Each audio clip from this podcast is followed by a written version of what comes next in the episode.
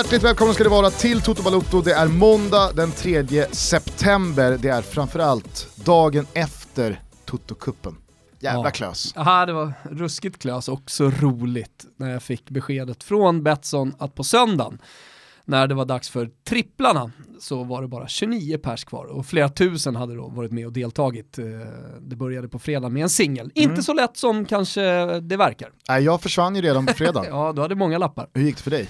Eh, försvann. Jag hade Igge som målskytt, alltså Iguain. Han eh, gjorde ju mål, men eh, det vart eh, avvinkat, eller avvinkat, vart bortvarat som jag säger, eh, på grund av en tå då som var offside. Ja, okay. Vad roligt, då blev det en diskussion Gusten, kring då eh, vad, liksom, hur VAR borde funka. Och då, då fanns det alltså de som tyckte att ja, men man borde se över hur mycket en spelare ska vara offside för att man ska kunna blåsa den. Alltså om man nu Just. använder VAR, antingen så är man offside och, och ja, så, och så blåser domaren. offside. själva idén om det är en tå eller vad fan det nu är. är offside? Det är som att man säger goal line technology. Ja, hur mycket av bollen ja, hur mycket av bollen ska vara inne? Ja. nej.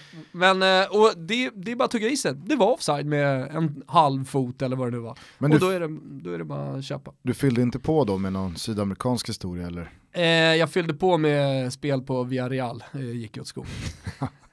det är kul där, för man, man ser ju utbudet och alltså många har ju eh, sina väldigt eh, ja, men obskyra tankar. Ja. Nå, jag såg någon hade hittat någon division 4-match i Sverige och det, det är ju bra, liksom. men många går ju på det uppenbara, Premier mm. League eller Allsvenskan eller Serie A eller La Liga och sådär. Och då finns det ju givna eh, banker, i alla fall när det börjar handla om dubblar och tripplar. Mm.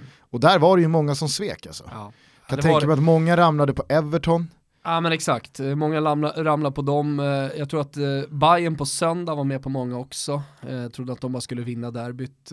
Ja, det blev inte så. Ja, Eh, hur som helst, eh, vi har väl inte fått någon eh, officiellt eh, kommunicerad vinnare. Ja, det är på gång, de kontrollräknar viktiga grejer. Precis, men vi kommer givetvis meddela vem som vann både via sociala medier och i nästa avsnitt. Då, då. Det var ju en eh, resa till Florens med oss, mm. Eh, Fiorentina, Roma i början på november. Ja, ser man ju fram emot. Det ska bli kul att göra Toto Balutto också efter en sån resa. Det är alltid skönt att röra lite på sig. det kommer också fler chanser att få ha haka på eh, på den här resan ska vi säga också. Alla som eh, vann dock, men kanske då inte fick den högsta kassan, har i alla fall ett par lax att trösta sig med. Absolut. Så, så att, eh, det är nog många glada efter eh, Toto-kuppen. Vi du... är väldigt glada att eh, Betsson fortsätter eh, göra den. Ja, absolut. Det, det, är jäkligt kul. Kul att det tas emot så. Jag tänkte på, du har ju varit eh, och spelat golf. Eh, mm. In, ingen kupp, men däremot Tor.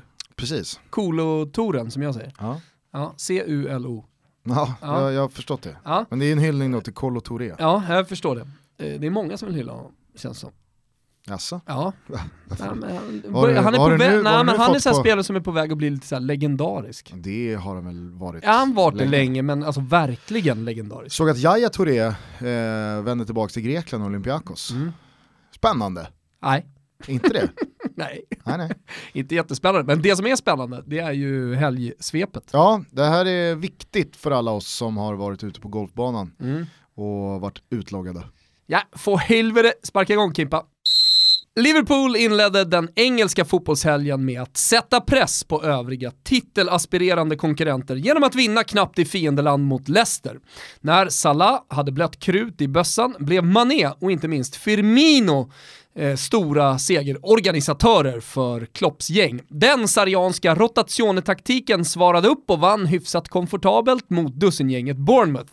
Jag noterar Hazards prestationer, mål i båda matcherna som han har startat, och noterar jag även i Lacazettes målkolumn. Och vet du vem mer Gusten? Nej.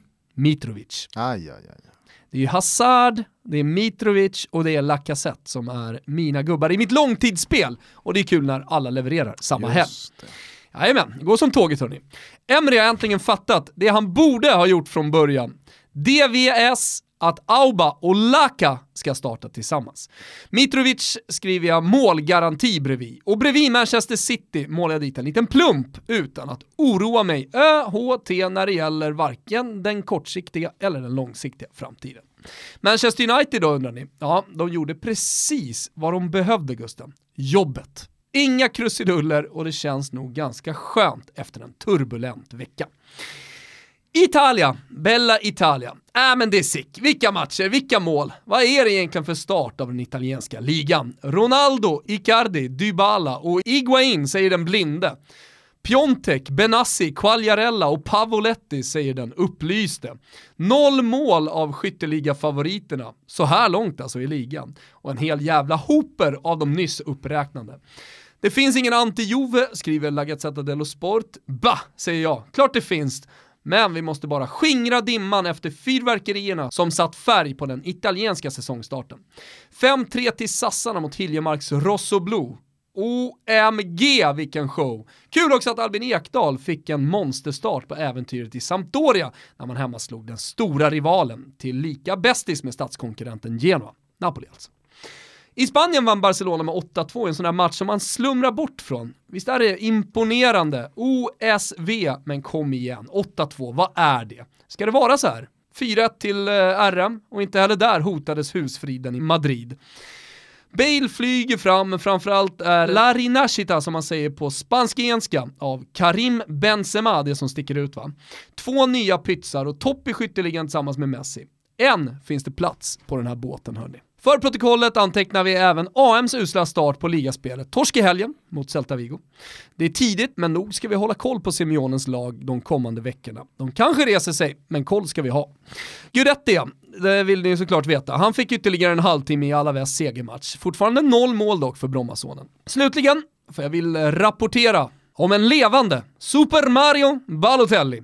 Han skällde och levde rövare, plockade ett gult kort och var på allmänt pisshumör när Nice segrade i Lyon. Så jävla fint att se Gustav. Han har ju sådana där matcher när man ser att Idag mår inte Mario bra. Nej, Idag är han sned. Han skällde på kameror i spelartunneln och hade sig. Det var roligt. Spottade och svor och hade sig. Nu ska han på landslagssamling med Italien. Jag eh, grämer mig lite över att jag i förra veckan inte sa någonting angående Allison när vi snackade om Liverpools match eh, mot Brighton på Anfield, alltså för en dryg vecka sedan. Mm. Eh, då vann de ju med 1-0, vi pratade lite om försvarsspelet och Trent Alexander-Arnolds volley passning och sådär. Mm. Men jag grämde mig lite nu när jag hörde ett svep och när det som skedde mot eh, Leicester hände. Mm. Att jag inte sa någonting om den där, du ser när han i den där Brighton-matchen då får bollen och chippar den över en framrusande Brighton-spelare och tar ner den på andra sidan och river ner applåder. Och våra kompisar i målklubben via Sats, eh, eller via Plays summerande mm. ligamagasin kring eh, Premier League, de hyllade ju där och Bojan var helt uh, lyrisk. Och, och det, var, det, var liksom, det gick ju varmt på Twitter och det vart viralt och hela den biten. Och jag, jag visste att det här kommer bita Allison i arslet. Kanske inte om några dagar, men snart. Mm. För nu har han fått något så här, nu har han fått en global stämpel. Du hade den ranten i dig. Exakt, mm. men jag sa ingenting. Eh, Vi tror det. Men eh, han, han fick den här globala stämpeln över att vilka mjuka fötter, han kan göra vad han vill med bollen. Och så visste man det här kommer såklart stiga honom mot huvudet också. Och så händer ju det som händer mot Leicester, han får en tillbakapass, ska ju Cruyff finta bort eh, om det är Gray va? Det är så jävla målvakt... Eller Ndidi kanske det är. Jo ja men Cruyff-finten, eh, det är bara målvakter som inte kan sätta Cruyff-finten i det läget. Nej, det är, det är klumpigt, den är så uselt kroppen genomförd. är så stor och ja, nej, den är helt kass. Alltså man, man, man kan ju jämföra då den originella Cruyff-finten, den som Cruyff gör på en svensk högerback, kommer inte ihåg vad han hette, gör du det?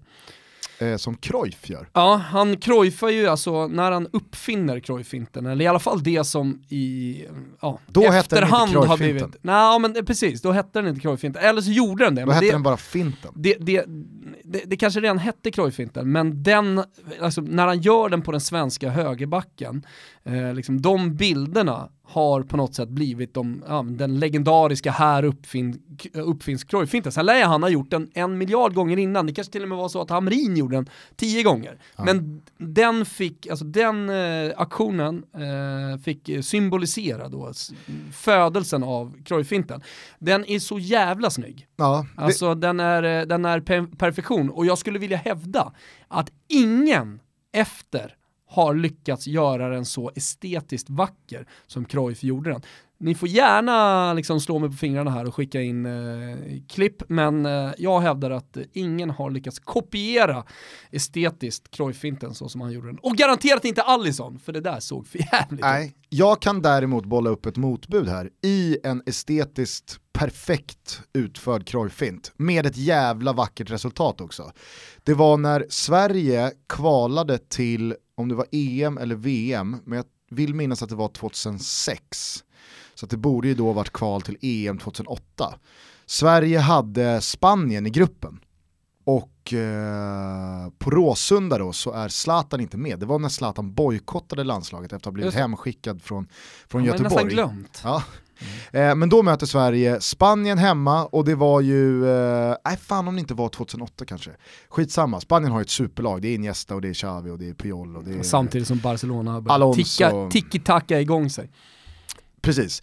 Eh, men Sverige gör ju då en sån jävla monstermatch, leder med 1-0 och sen så har Spanien en hörna precis i slutet. Och eh, jag tror att det är eh, Sergio Ramos kanske eller någon som nickar den mot målet. Och där ligger Tobias Linderoth som ett streck i luften och räddar nicken med sitt eget huvud på mållinjen. Bollen studsar ut, det blir en kontring åt andra hållet. Och det är, om det är chip eh, och det är i alla fall Marcus Albeck som följer med hela vägen centralt och så spelas bollen in till Marcus Albeck. Ja, eh, Casillas har varit uppe, mm. så att Casillas också löpt tillbaka med Puyol.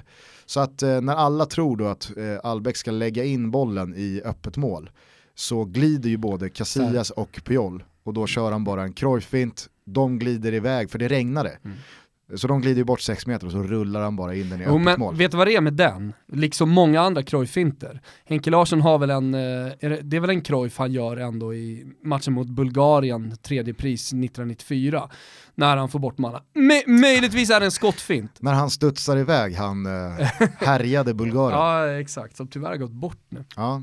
Eh, men, men alltså det som är med Albeck här, det är att resultatet blir vackert i och med att de försvinner. Men estetiskt så är det inte nära Cruyff. Nej, inte i själva liksom, liksom armen ska vara så. ute, ja, ja, men... ska vara sån tydlig... Ja. Jag tror också att man behöver, för att göra den riktigt, riktigt vacker, så behöver man vara lite hjulbent också. Jag tror man tjänar på det i alla fall. Ja. ja. ja Lite Barski, kanske att man ska börja syna hans matcher om han har gjort den. Ja. Tvåfotskungen, fan vad jag älskar Lite Barski. Eh, Garincha var väl, det, det, var väl hans grej. Könssjukdomar och hjulbenthet. Ja men var inte han en sån här otrolig playboy? Ja. Uh, han vill jag minnas ha så här, ja, den tydligaste På tal om Garincha, han uh, har ju blivit hyllad uh, av väldigt många, inte minst då Kurt Hamrin. Kurt Hamrin som spelar mot honom har alltid lyft honom som den bästa i det brasilianska landslaget. Det var inte Pelé utan det var minsann Garincha, den som han var mest imponerad av. Eh, och det, var, det, det, fick ju sitt slut, höll jag på att säga, sitt slut, men när jag fick den här tavlan som jag berättat om tidigare och, och, och tappade bort på flygplatsen i Bologna efter att Ryanair hade nekat mitt bagage. Hur som helst, eh, eh, och Kurt Hamrin, han var tillbaka på Artemio Franki första gången efter stroken eh, som han drabbades av för två år sedan. Mm. Eh, lite mer tilltufsad såklart, alltså han har ju tagit hårt på honom, men, men starkt att överleva en stroke i den åldern och ändå vara så pigg som han är. Och alert på vad som händer på planen, alltså han eh, analyserar ju matcherna på ett eh, ruskigt imponerande sätt. Jag, har bara läst då i efterhand citaten, men, men eh, koll på spelarna, liksom imponerad av Kesa där, det som händer i matchen. Också fina hyllningar, mm. som sig bör i Kurva Fiesole då till Kurt. Sekt virke i Kurt Hamrin, det glädjer ju en. Ja, det glädjer. Eh, hur som helst, fyll på med förslag eh, på de estetiskt eh, vackra Cruyff-fintsmästarna. En viktig detalj när det kommer mm. till Cruyff-finten, det är att den ska absolut inte förväxlas, förväxlas med den lite mer moderna, där man tar den liksom bakom stödjebenet fast snett framåt och så byter man riktning. Utan en Cruyff-fint, den ska ju vara 180 grader. Ja, ja, ja. Är du på väg ditåt så ska du med Cruyff-finten vända åt rakt motsatt håll. Väldigt viktigt. Det känns som att Cruyff-finten håller på att dö lite.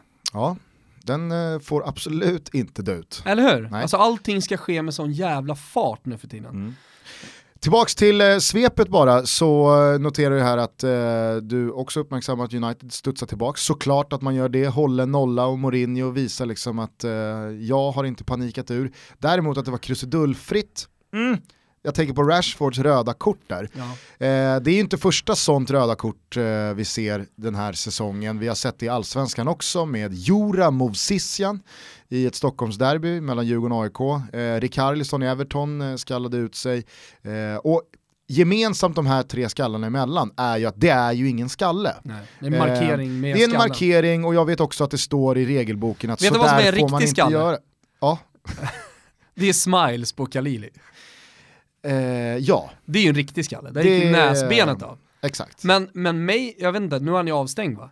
Ja, ja. För resten av säsongen eller? Eh, Suljevic. Ja. Nej, Dalkurd har stängt av honom till att börja med i tre veckor tror jag. Ja, det är ju vad Rikardisov fick av förbundet. Ja. Jag menar så om han spelar om tre veckor med en riktig skalle, då är det ju någonting skevt. Mm. Även om det inte sker på planen. Nej men jag tycker liksom så att det, det är klart att det är bra att eh, man markerar mot det där att liksom det där inte får förekomma men jag tycker inte att avstängningen av straffet står i proportion till det som egentligen har skett. Alltså det är ju inga eh, skallar som delas ut, det är ingen fara för något Vet du vad det är? Nej, men det, är ingen, eh, det är inget våld, de, de tuppar sig, de är, sätter panna det är mot ofta? panna. Det är pan, att man sätter panna mot panna, ja. någon markerar lite tydligare och så ja. faller den andra. Det är ju det det är. Jo absolut, jag vet vad det är och jag kan också tycka att när någon då faller, det är ju 99 gånger av 100 eh, inte för att kraften i den där markeringen gör att man faller, utan man söker ju den markeringen mm. så att bra, nu kan jag gå till marken och så blir det rött kort. Men jag tycker att det där är en sån här del av argumentation mellan spelare, för det ska man komma ihåg att fotboll är en sport där det där, det, alltså så här, det som uppbringar de där situationerna hoppas jag för mitt liv alltid kommer finnas kvar i fotbollen. Annars är det ju liksom, eh, jag menar, börjar man hoppas på att känslorna ska lugna sig, att det inte ska svämma över, då ber man ju för en fotboll som kommer vara hädiskt pissig att följa. Ja. Och när det där väl händer, när man blir irriterad, i det här fallet så är det ju eh, Phil Bardsley som skickar en eftersläng på eh, Marcus Rashfords eh, hälsena efter att bollen är utanför linjen. Det är väl klart att som fan att han blir irriterad och det brinner till och han säger åt honom och Bardsley ska liksom sätta ut bröstet och visa att du ska bara hålla käften din pojkspoling, det där var ingenting, flytta dig från mig om det slutar med att de sätter pannorna mot varandra och har ett litet gruff och att två pers kära på dem sen och sen så är det bra med det så kanske det smäller hårt i en schysst närkamp lite senare. Mm. Då är det väl det precis, alltså då är det Nej, precis som det ska. Jag håller helt med. Uh, jag Istället så börjar ju... man skicka upp kort och det är tre matchers avstängning och det känns bara löjligt. Alltså, jag nej. uppmuntrar ju viss uh, typ av våld och uh, muck uh, för mina flickor 09. Mm -hmm. mm. Var... Är det så att man uh, surnar till på en motståndare och går in lite hårdare efter, då, då får jag ta av henne och så säga bra gjort. Eller om man blir arg på domaren. Det måste finnas känslor Gusten. Ja. Det ska uppmuntras, vi kan Nej, inte ta bort det. Exakt, och jag, jag, men jag tycker just att de där panna mot panna röda korten, det börjar gå lite inflation i dem och jag tycker ja. att de, är, alltså det är ett alldeles för Jo men då finns det de som säger så här, jo men det ska vara nolltolerans på, på våld som inte hör hemma på en fotbollsplan. Eh, samtidigt då som man tycker, samma, samma gäng misstänker jag, tycker också att en glidtackling bakifrån som faktiskt är farligt spel, eller en glidtackling för all del framifrån med öppna sulor, där man tar bollen, borde finnas i fotboll också. Jag tycker inte att eh, argumenten håller då riktigt. Jag, ty jag, tycker att man är lite skevt på det. För det, det, det, det är också våld i så fall. Verkligen. Eh, vidare i... Farligare våld om, om jag ska vara... Ja, här, ja, men det är det jag menar, att i de här panna mot panna situationerna, det hänger ju, det, det, det, det finns ju aldrig någon fara i någonting. Nej, och sen så finns det ju såklart, eh, alltså, det finns ju någonting att man vill ha nolltolerans på den typen av eh, mucksituationer. Alltså vad händer om man helt plötsligt börjar tillåta det där? Ja. Jo men alltså så här, om, man, om man då jämför till exempel med en sport som hockey, där låter man ju till och med två spelare cirkulera runt varandra med slängda handskar för att nu ska de gå... Tillåter och tillåter, man låter, man, man låter fighten ta slut så att säga, man låter dem fightas men sen så får de ju sitt straff. Som typ, vadå, två minuters utvisning? Nej, du kan ju få matchstraff. ja, du kan, få, minuter, du kan få matchstraff. Minuter. Jämför 10 minuter i en, alltså eh, då får ju inte laget 10 minuter boxplay. Nej. Nej, det händer ju Spelaren ingenting. får sitta Nej. och kyla ner sig själv ja, i tio minuter och sen göra. är det bara in och lira igen. Laget får fortfarande ja, spela med fem ju... spelare, eller, alltså, så det blir ju inget straff för laget. Du har ju lösningen för fan framför här, dig. Här har du ju liksom, alltså United blir dels av med eh, Rashford i matchen, ja. och sen så ska de bli av med honom i tre här tävlingsmatcher till. Här har du lösningen till. framför dig Gusten, det är bara att titta på hockeyn. Bilda ring, domaren håller undan de andra, man håller undan varandra och så får de göra upp. Och så får de tio minuter, Alternativt om det har varit blodigt värre så får de, eh, ja, de får gå av planen helt enkelt. De får gå och duscha, de får inte vara med mer. Men vi fortsätter spela 11 mot 11. Ja. Va? Vilken superlösning! Här! Där. Där. ja, nej, det, det, det, är en tanke i alla fall. Ja, nej, den är inte helt dum. Får se hur den landar hos våra lyssnare. Eh, vidare då i eh, svepet så tycker jag att du eh, för en gångs skull inte överdriver i dina hyllningar och på tal om känslor, känslosvall kring Serie A och de matcherna. Ibland så brukar du ju kunna tendera att lyfta ett 1-1 match mellan Udinese ja, och Kevo till någonting helt annat än vad det faktiskt var en 1-1 match mellan Udinese och Kievo. Eh, Vi hade ju 0-0 Kievo Empoli, den lyfte jag inte. det gjorde det inte.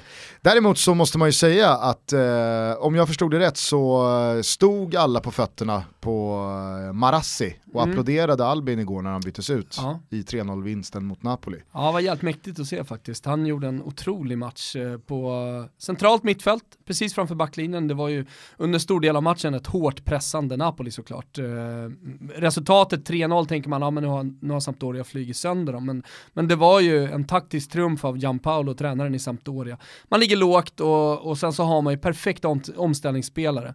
Inte minst då Defrell som passar perfekt in i det här laget, eh, gjorde två baljer och sen Quagliarella som, som har en ass bland annat, men, men hans mål som han gör finns på våra sociala medier på Instagram. Eh, jag tror att alla, de flesta har sett det, annars kan ni gå in där och kolla. Det är en klack då på ett inlägg som Många har gjort tidigare, men på tal om estetiskt vackert så är det frågan om någon har gjort det eh, mer estetiskt vackert än vad Quagliarella gjorde. Det man kan säga är att han får frågan direkt efter, han är ju stor Napoli-supporter så han firar inte det här, men eh, han får i alla fall frågan om han har gjort något snyggare mål tidigare. Han har ju blivit känd Quagliarella för att bara göra vackra mål, mm. och det stämmer ju faktiskt. Det finns ju ett par sådana spelare. Absolut. Ja, det finns några. Det finns några. Då har vi då Matt Letizier, är väl alltid precis. en Nu kommer Letizier. Nej, men... Eh, eh, Quaresma är ju en sån spelare också. Ja, mm. absolut. Eh, då ser han, det, det, det, är inte det snyggaste men det är topp tre.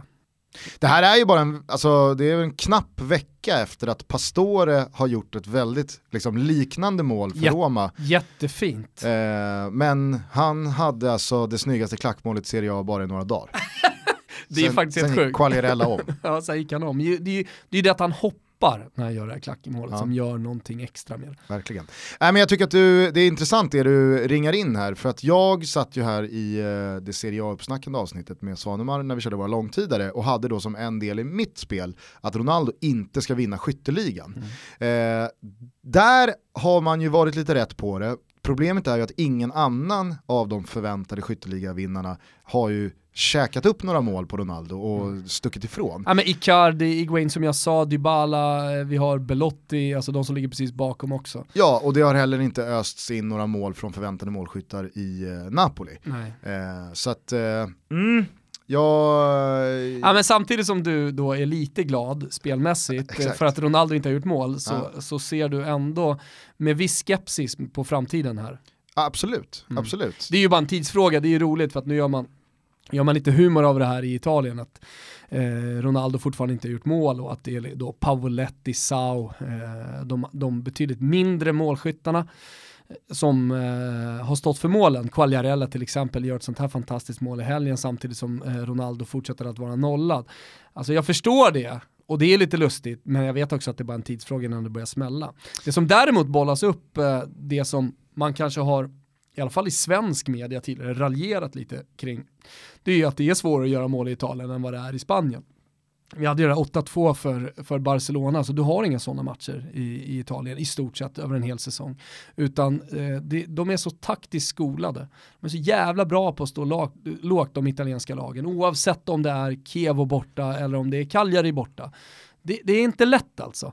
Eh, och det är många stora målskyttar som har kommit till, till Italien och, och klagat och, och gnällt lite eh, över det här. Att man, man tas lite för hårt, domarna ser inte riktigt allting som sker. Trots att det är tusen kameror och det finns VAR till exempel nu för tiden så, så, så får man inte med sig allting som man kanske borde ha. Vi har en situation som med Ronaldo också med en solklar straff tycker jag i helgen, när han får en knuff i ryggen, som inte tittas på. Sen upplever jag rent generellt, om man då jämför Spanien och Italien, La Liga och Serie A, att mm. i Italien och Serie A så finns inte alls samma kultur av att med 20 minuter kvar, om, det, om ett lag leder med tre mål, så finns inte alls samma kultur av att nu öser vi på för att det finns två, tre spelare som verkligen, verkligen vill göra mål. Nej. Utan då går allting ner i tempo och så spelar man bara av de sista 20 minuterna. Men det finns ju också någon sån här gentleman's agreement i Italien, att man vill inte förnedra. Eh, domaren blåser på 90.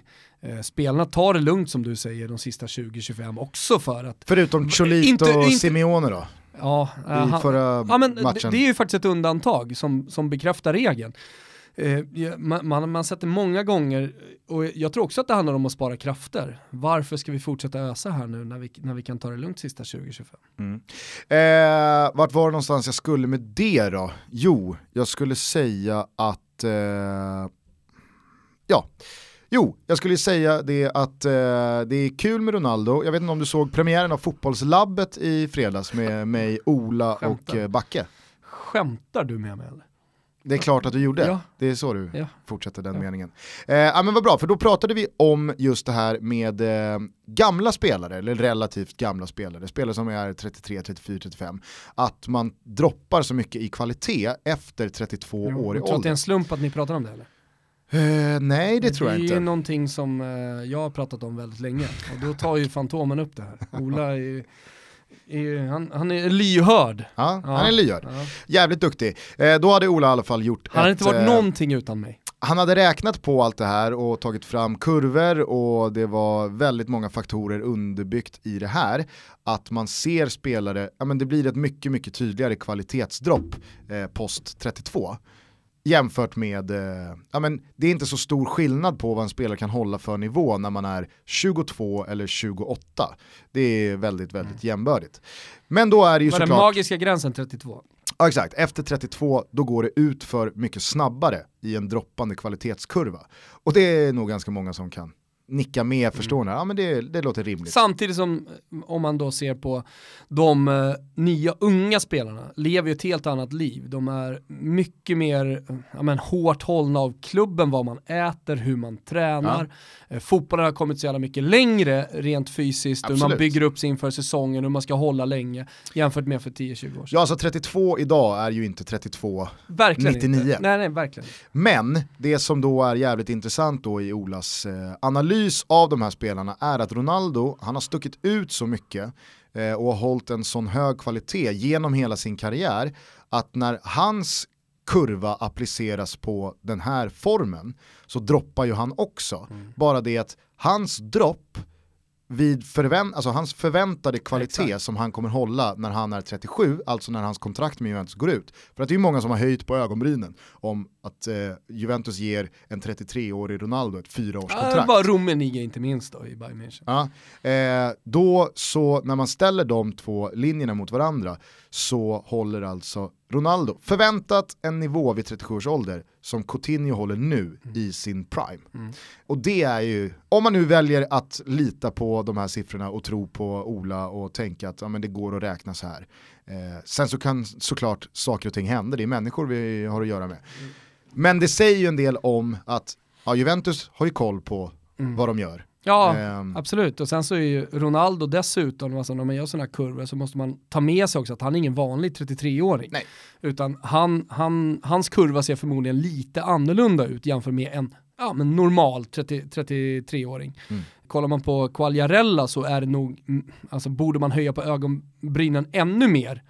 Eh, I och med att eh, han inte är liksom, rent fysiskt en Cristiano Ronaldo. Och ändå så kan, lyckas han hålla så hög nivå som han gör. 16 ja. mål i fjol och fortsatt eh, då, mm, vad det verkar, i topp. Väldigt roligt i alla fall att vara igång med Fotbollslabbet. Kolla på det, det finns via Fotbollskanalen. Eller ikväll tror jag också på Sportkanalen. Mm, tror att väldigt många inte kommer kolla på det, det är lite tråkigt. Ja, mm. det är jättetråkigt att eh, du känner så. Det är, min, det, det, ja, men det är verkligen ett jättebra program. Ge det en chans. Jag vet att det finns hur mycket som helst där ute. Det är supporterprogram och det är poddar och allt vad det är. Men ge fotbollslabbet ett chans. Det är budskapet. Vi är sponsrade av Stay Hard. Och Thomas, eh, det finns ett par nya varumärken på väg in i sortimentet. Vill du veta vilka? Ja, det vill jag gärna veta. Det är skönt att Stay Hard fortsätter att vara med oss eh, och framförallt för lyssnarna, för det är ju 20% där borta. Verkligen med rabattkoden TOTO och nu har ju sommar övergått i tidig höst så det är dags att kitta upp sig. Varför inte med eh, det gamla fina märket Helly Hansen? New Nytt. Balance eller Polo Ralph Lauren är eh, bara några av de eh, cirka 20 nya varumärken som Stay Hard numera erbjuder. Dessutom så vill de puffa för en jävligt fet rock. Ja, den är verkligen fet eh, och sen så tycker jag att det är ruggigt bra pris på den också. Eh, rocken är från Lampton och den kostar 14,99. Gå in och kika på den hörni och kom ihåg att ni har 20% alltså med koden TOTO på alla ordinarie priser hos våra polare på Stayhard. Tack till Stayhard. Med oss i Totobåten så finns eh, Strive under hela den här hösten och vi är väldigt glada för den nya tjänsten alltså som visar hela Serie A, alla matcher och hela La Liga, alla matcher för den ynka summan 79 kronor. Och nu vill Strive då hälsa alla som har kommit in och det är verkligen många varmt välkomna till tjänsten. De vill också låta meddela att de jobbar stenhårt med att hela tiden utveckla det tekniska så att upplevelsen eh, framför datorn eller tvn om man nu streamar upp den, det kan man ju göra, hela tiden blir bättre. Det är många som har eh, frågat efter lokal kommentering, det vill säga svensk, norsk, dansk kommentering här där eh, Strive finns. Det är på gång, man jobbar så jävla hårt att få till det här eh, och det kommer under, under hösten. Man kommer också fortsättningsvis kunna köra engelsk kommentering om man nu vill fortsätta med det. Mm, härligt! Det är ju en otroligt rafflande säsongsinledning i Italien och Spanien att följa. Så att eh, in på, var då någonstans? Strivesport.com eller ladda ner appen. Och eh, regger för abonnemang alltså 79 kronor i månaden eller 500 spänn för hela säsongen. Tack till Strive för att ni är med i Toto Balotto. Har du hängt med i turerna kring uh, det, det danska landshållet? Ja, för helvete! Nej, men jag har lite koll på vad som har hänt. Det är strejk. Det är strejk. De är vansinniga. Det är heller inte första gången eh, i uh, modern tid som det är strejk. Jag vill minnas att damlandslaget strejkade och tog det hela vägen fullt ut. Alltså ah. de backade inte med en halv eh, dag kvar, som många brukar göra. Nej, de strejkade ju till och med från eh, ett VM-kvalmöte med Sverige. Ja, en sån sak. Precis. Som svenskorna och Sverige liksom inte har några problem med att räkna in den 3-0. Mm. Ah, Okej, okay. Okej, okay. Gerhardsson. Gerhardsson är dundernöjd. Det är bara att ta. Jag, jag kan inte minnas någonting att jag har hört någon spelare, eller inte minst då Gerhardsson säga Ja, det känns ju väldigt tråkigt att det här inte kan avgöras ute på plan, utan det var ju bara 3-0, tre pinnar, nu går vi vidare. Om de nu fick de det, de spelade en matchen. Nej, de fick 3-0 ja, och ja. slog väl Ukraina här i uh, helgen också? Eller slog Ukraina, ja. Stort steg mot VM. Så om jag får in några av mina, fick en 0-9 där snart.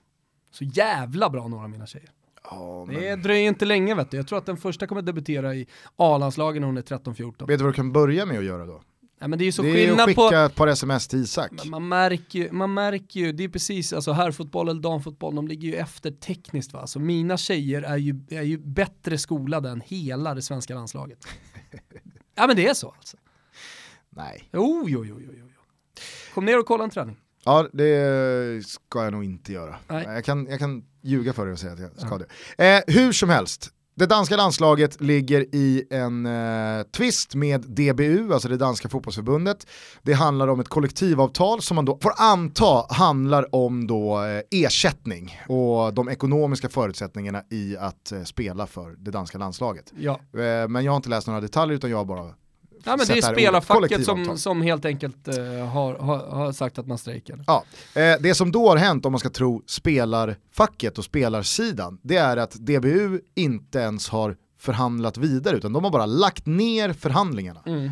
De, de har liksom inte ens kommit med ett motbud utan de har lagt ner och sen så har de då i en väldigt märklig aktion måste jag säga, skickat ut en förfrågan till alla danska superligalag med så här, vem, vem eller vilka från ert lag tror ni kan lira två landskamper kommande vecka? Ja, jag vet. Eh, och då har jag Åge Hareide, alltså förbundskaptenen, ja. lackat Åge Hareide och assisterande förbundskapten Jon Dahl Tomasson, de har ju då sin sida klivit ut och sagt att vi, trän vi kommer inte ansvara för ett landslag som inte vi har tagit ut.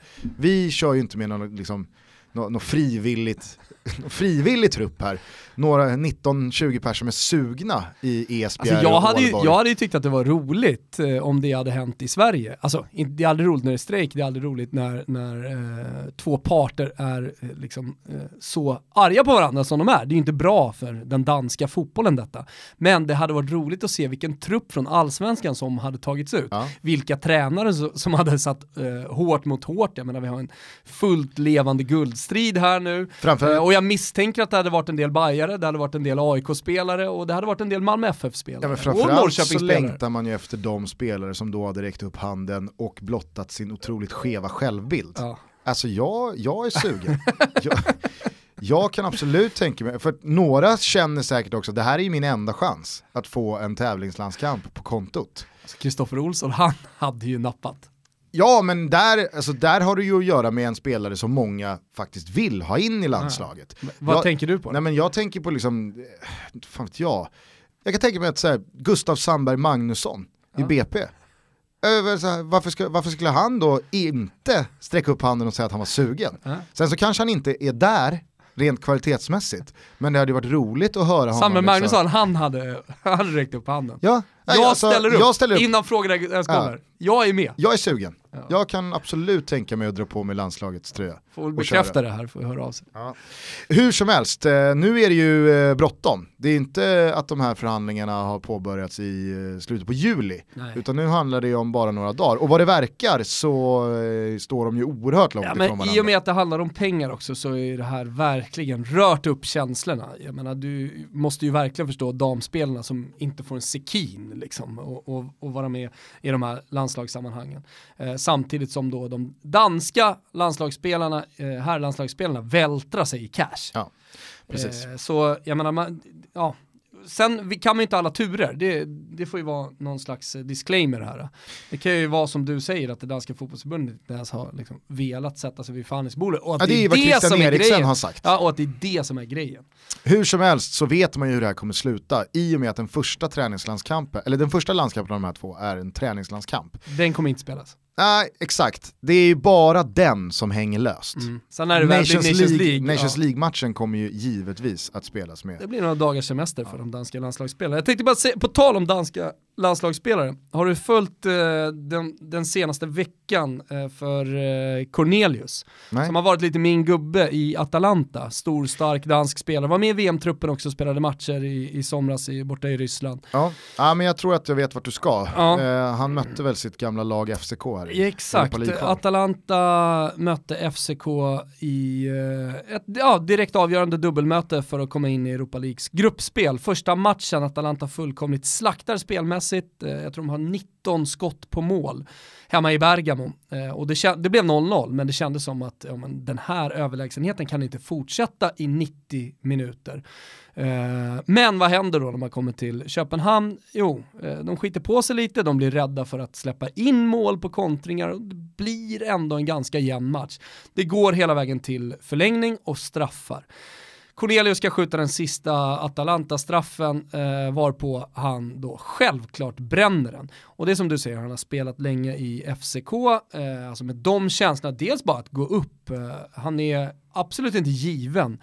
Det har till och med talats väldigt mycket inför den här matchen om en utlåning, att han inte ska vara kvar. Han kom i alla fall in för att han är fortfarande ett alternativ, men att han ska slå den sista straffen på hans parken med liksom flyttrykten kring honom uppenbarligen liksom inte i någon mental balans. Alltså vad gör Gasperini? Fast samtidigt, jag har sån, jag har sån tilltro till Gasperini att det här måste ju... Det är det man inte har. Fast det måste ju handla om att Cornelius, på tal om att sträcka upp handen, har bett om det här själv. Jo, fast då måste han kunna läsa den situationen att även om, det, bara för att det är fyra gubbar eh, och, och, fyra tantaloner liksom, som sträcker upp eh, handen i klassrummet så ger det ju inte alltid frå, eh, liksom, svaret till, frå, till, till samma gubbe.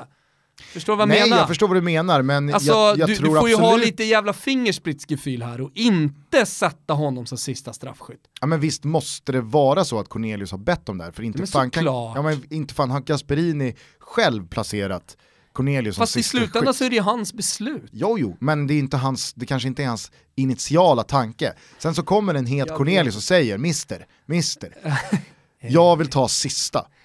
Rigore! Io, Cornelius har ju fortfarande inte lärt sig italienska. Det är också en av anledningarna att han inte var kvar. Det som händer dagen efter, tror han följer med till Bergamo? Nej. Nej, nej, nej.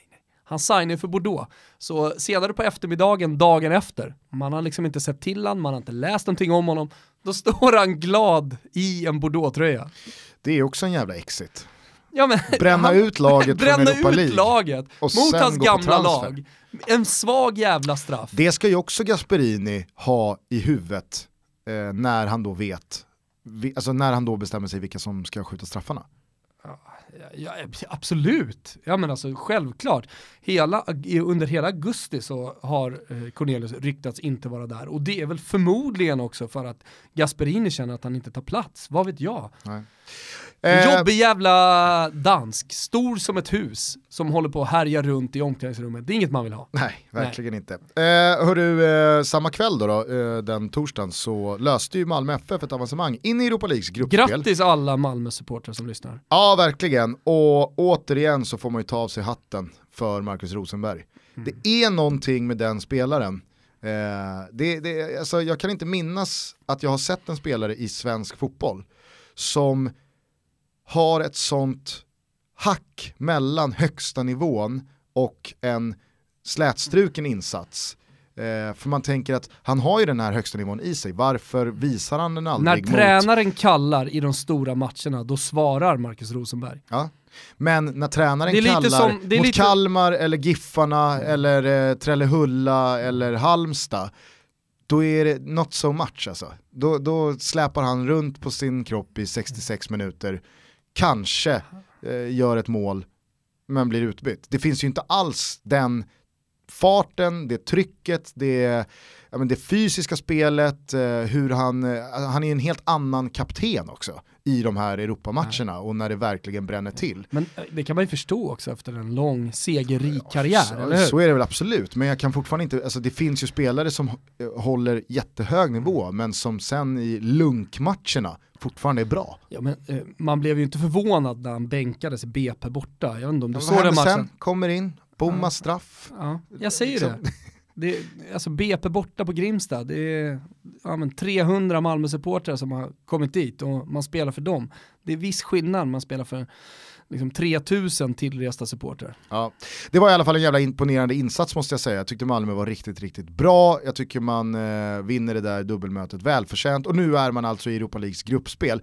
Förra veckan satt vi här med Svanen och flaggade lite för att ett Malmö som åker ut Mm. mot eh, Mittjylland kan absolut lägga i en växel och gå väldigt starkt i allsvenskan. Sen vad det hade räckt till hade väl bara framtiden utvisat. Men nu så känns det som att Malmö, med den gruppen också man får, Mm. snarare kommer fokusera på Europa League den här hösten än att eh, formera laget så att det ska vara så bra som möjligt i de tuffa allsvenska matcherna.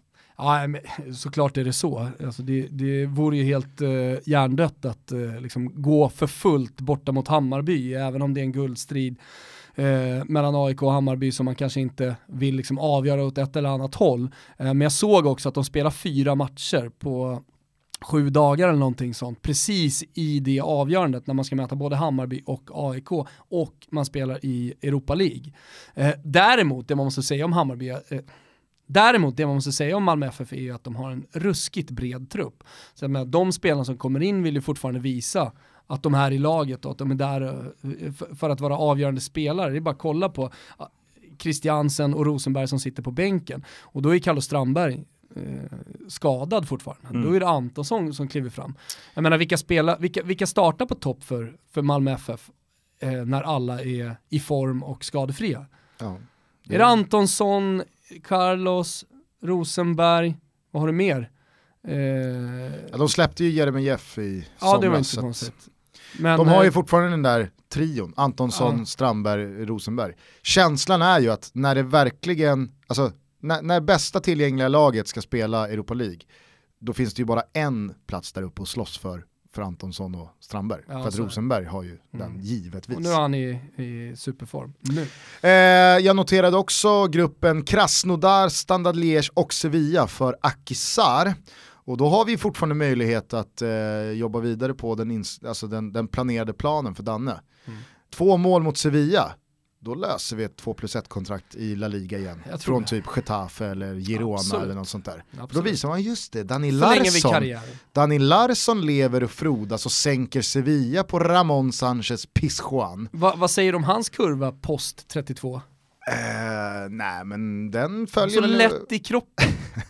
men vet, vet, du vem som, vet du vem som är beviset på liksom att kurvan, nu kom den lite innan, men beviset på att man kan landa och fortfarande vara en världsspelare, men ändå inte räknas som en av de bästa. Alltså det man, eh, eller det Fantomen då, eh, ja, men ser i kristallkulan för Cristiano Ronaldo, Nej. när han kollar, eh, det är ju Ronaldinho. Han var ju då bäst i världen och sen när han kom till Milan så var han en jävligt bra fotbollsspelare, gjorde tio mål per säsong och en del liksom, genialiska finter och, och passningar också. Han gjorde Men, väl också ett sånt där Quagliarella-mål? Ja, han gjorde också ett. Han har väl flera mm. eh, sådana Quagliarella-mål. Men eh, håll med om det, alltså ändå landa kring tio mål som offensiv eh, mittfältare. Men ändå inte vara med i diskussionen om världens bästa fotbollsspelare. Att liksom, ja, det hackade ner lite men det är fortfarande bra. Men hur länge höll han då? Nej, men han var ju bara 28 när han kom till Milan, så jag menar att den här, eh, det här uh, karriärshacket ner kom ju tidigare för honom. Den kom ju inte vid 32, men den kom vid 28. Däremot så är det ju ändå typ samma sak, förstår du vad jag menar? Jo, jo, absolut. Jag menar bara att han höll ju ingen jättenivå post 32 års ålder. Han hade mm. fyllt 40, eller han hade fyllt 40, lät som att han var död. RIP.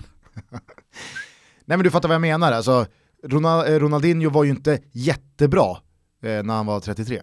Nej, det var han verkligen inte. Då spelade han ju i Mineiro. Ja. Mm. Kan, han kanske var jättebra. Ja. ja det ska jag villigt erkänna. Att... Det ingen aning. Men däremot så tycker jag, vi får väl kolla med Ola Lidmark Eriksson när han kommer hit, om man kanske ska lägga på ett brassefilter för de här uträkningarna. Det tycker jag. För att brassarna de har ju inte samma liksom, fysiska eh, inställning till, till, till fotbollsspelande jag, jag som du skulle säga status, alla andra. Eller förutsättning, men det var bra att du sa inställningar. Ja. Där är det ju liksom, man kör hårt tills 25, 26, 27. Ja. Sen så börjar man smaka på livets goda. Mm. Och då kommer ju kvalitetshacket som ett brev på posten. Visst. Avslutningsvis så måste vi såklart landa på eh, Tele2 igår. Eh, det var ju ruskigt stökiga scener inför avspark. Jag såg var det ruskigt stökiga scener? Ah, sulade bengaler in på sittplats jo, jo, alltså det, det, det är inte vardagsmat. Nej, men alltså så här, ruskigt stökiga scener för mig är någon slags kalabalik och, och, och sådär. Eh, det var ju en aktion från en snubbe. Liksom. Kanske är en sulad bengal in på sittplats motsvarigheten läktarstökmässigt till panna mot panna. Det delas inte ut någon skalle men det benämns som ja. eh, riktigt jävla grovt ja, framförallt så, så, slår det ju kollektivt på supporterkulturen. Verkligen. Eh, jag läste eh, i alla fall att Johan Wieland, han tyckte inte att matchen skulle ha spelats överhuvudtaget. Okay. Eh, men... Efter eller? ja, precis. Det är ändå en rimlig fråga att ställa Gustav. Ja, samtidigt så har, är väl det också en ganska logisk slutsats att dra i och med att bengalen kastas precis innan matchen skulle spelas. Jag tycker att den borde ha spelats. Ja, det tycker jag också, men jag menar bara att vad skulle Vilan gått ut och gjort lite press mm. från att, mellan att... Eh, Napoli-Fiorentina, den, den borde inte avsparken. ha spelats. Nej. För då var det en supporter som dog innan matchen. Ja. Och det visste man om. Mm. Djurgården-Helsingborg avbröts väl? Ja, och spelades ju inte klart. Va? Nej, precis. Alltså, ja, där spelade man ju, vill jag minnas, 20-25 minuter. Ja. Men sen så var det ju liksom supporter som hoppade in på plan avbröt själva. Ja men det var ju det som hände i Napoli-Fiorentina också, men då satte man hårt mot hårt och så eh, spelar man vidare matchen. Det, det, är ju jättebeklagligt och det är helt fel. Eh, men i det här fallet så, ja men då gör man väl rätt. Vi såg i alla fall Djurgården och eh, Öskan eh, kopiera AIKs segerrecept mot Bayern på Tele2. Mm. Eh, lät dem ha bollen, försvarade sig väldigt bra och sen så var ju Erik Johansson som mittfältare en ruskig tunga på vågen alltså. När man såg att han skulle spela på mittfältet så tänkte man bara oj vad han kommer bli rundningsmärke eh, ja. för alla snabba Hammarbyare. Nej, det blev precis tvärtom. Ja, ja, och det är ju... Och ingen alltså... räknade riktigt med att så här, här kommer Erik Johansson på frammarsch, nu kommer en superassist. Nej, precis. Det kändes lite som att, så här, men fan låt han vara. Ja, och det var verkligen superassist, för att jag tycker att just målgivande passningar, inte minst när man som du och jag är väldigt inne i fantasy Premier League, mm. där är det ju väldigt mycket ja men var det, räknades det som en assist eller inte? Sen hur den ser ut, det är skitsamma. Jag såg att Lucas Mora har ju ett inspel mot Watford där det är liksom deflection och sen så studsar den in i någons mage och så studsar den in precis vid stolproten. Eh, Ducoré gör självmålet då. Det bokförs ju som en assist på Lucas Mora i statistiken och inte minst i Fantasy Premier League. Men det är ju absolut inte vad en assist är, en Nej. målgivande passning. Erik Johanssons tre målgivande passningar igår, mm. det är ju, ja men det är ju det är så bra det blir. Det är sådana jävla klasspassningar och aktionen innan passningen till Budgie eh, vid 3-1 målet, det är ju så löjligt bra så att eh, det såg ut som att en lärare var nere och lirade med sexorna. Ja. Eh, så att, eh, jag tycker att Djurgården tar en välförtjänt men också väldigt eh, oväntad eh, seger i alla fall så som den såg ut och att eh, man lämnades med känslan just av att det var väldigt klart och rättvist och att eh, ja, Bayern förlorar i det här läget. Och det öppnar ju verkligen upp eh, för guld till Solna då. Fem poäng efter 3-0 och en överkörning mot Häcken. Mm. Så AIK, Norrköping i helgen och Hammarby och Sirius. Vi får se hur, hur, hur, vi pratar nästa måndag om den här guldstriden. Ja. det är långt kvar. Det är väl två veckor dit. Ja, nu är det landslagsuppehåll. Nu är det landslagsuppehåll. Och på tal om landslagsuppehåll Gusten, så får vi in uh, lite sköna lirare i den här studion. Vi har fortfarande ingenting klart officiellt, förutom då med Ola. Vi har lite strul med kollektivavtalen. Vi har lite strul med kollektivavtalen. Med Gulo Gulo. Ja, känslan är att Ponne inte riktigt vill skriva på. Det är Ponne som är dark horse i gruppen. Ja. Ponne! Nu får du skärpa dig. Eh, hörni, vi hörs lite senare i veckan. App, Gulo... app, app, app, app, app. Jaha. Aj, aj, aj, aj, aj. Gulasch till den svenska polisen som tar bort eh, 2000 platser eh, inför det här derbyt. Det är fel väg att gå. Man kan inte möta hårt mot hårt på det här sättet. Eh, jag hoppas att man inser att det här bara liksom skapar ännu mer polemik mellan då supportergrupperingarna och eh, polisen. Men tyvärr, precis som du är inne på, det är ju en persons beslut att sula en bengal in på sitt plats som straffar alla andra. Fast det ska inte göra det tycker jag. Nej, jag vet, men jag, jag, jag, jag, jag kände bara igår att så här, ah, när det, det, fanns, det när det, fanns så rimliga anledningar att ogilla polisens beslut här och sen så kommer en bengal kastad in på sitt plats. Man ger ju polisen rätt. Förstår du vad jag menar? Fast jag tycker inte man gör det. Nej, Däremot så jag, alltså jag tror jag också att, du, att Jag förstår att du eh, tycker som du gör och jag tycker också så. Men utfallet och resultatet blir ju att väldigt många har ju svårt att liksom argumentera varför polisen inte ja. skulle ha gjort som ja. de gjorde. Och det är helt beklagligt att eh, liksom debatten landar där, för mm. det är helt felaktigt, också, där, också helt felaktigt och det är därför Gulasch går till polisen som alltså stänger ute 2000 personer som också hade kunnat gått på, på det här derbyt. Jag tycker att det är för jävligt och det är fel väg att gå. Jag har sett en liknande utveckling inom den italienska fotbollen eh, när man har försökt med, med ja, men, alltså förstöra supporterkulturen. Jag är rädd att eh, man kommer fortsätta kollektivt bestraffa och eh, ja, jag tycker, det, jag tycker det är så jävla dåligt. Däremot en stor jävla snitsel till två stycken feta tifon. Hammarbys målning av Kennedy eh, och sen eh, tyckte jag var eh, kreativt och originellt och roligt av DIF att köra kanonerna på Djurgården är, sikta, är riktade och sen så skjuter man iväg då eh, raketer. Mm. Att, eh, nu, nu, smäller vi av de här eh, kanonerna. Jag tyckte det var roligt. Men Djurgården körde väl också en riktigt schysst eh, rökbränning. Men vad fan vad trött jag är på det här att man ska hålla på med två tifon. Hur jävla mycket pengar har tifogrupperna i, i Sverige egentligen? Först ett jävla megatifo inför matchen, sen kommer ett nytt jävla tifo i halvlek. Sluta med det, det är ett tifo man håller på med, det är innan och lägg krutet på det. Vet du, vet du vad det här hänger, vet du vad det här hänger ihop med? Badar i pengar. Ah, vet du vad det här hänger upp med? Det är när hinkarna blev swish. Exakt! När hinkarna blev swish så liksom fylldes ju tifogruppernas konton. det, är, alltså, det går att göra tre Man vet att de köper sådana ark. Ska vi klippa egna? Nej, nej för fan, du kan ju beställa från den här polska sidan, då får du dem lite tjockare och lite finare. Ja. Nej, alltså, jag är helt övertygad om, alltså när Tänk konsulter I så, som I så många år så var ju, liksom, hinkarna var ju det, that's it. Ja. Sen så kom Swish in på supportermarknaden och förändrade tifogruppernas budgetar å det grövsta. Men supporterkulturen drivs ju av en eh, hierarki, det, det, är ingen hemlighet för någon. Man vet att de högst upp i den eh, hierarkin, de ligger ju bara och softar ja, och, och bestämmer, klickar hem. Det har ju nallats också. det vet inte fan om det har gjort Tror alltså. det? Nej jag vet inte fan om jag har gjort alltså. Men, men eh, det, det, det, är en tydlig hierarki i alla fall när, när eh, fotjobbet ska göras. Ja. Kan vara helt ute och cykla här nu, okay. men det, det, det är vad jag ser. Eh, hörni, vi hörs igen om några dagar. Det är ju så, som vi var inne på, ett väldigt, väldigt långt landslagsuppehåll nu från all annan fotboll. Men Toto Balutto ska såklart göra er tillvaro så uthärdlig som möjligt med lite gul och gul spelare i studion. Det ska, bli så... det, det ska bli de bästa veckorna på länge i den här studion. Ja. Det kan vi lova. Det kan vi väl säga. Mm. Så när eh. ni tänker att så, gud vad tråkigt, åh deppigt, ingen, ingen liga fotboll, hur kan man ha de här landslagsbreaken? Ja men då kommer ni glada över de avsnitten som vi gör framöver. Precis, vi hörs. Ciao tutti! Ciao tutti!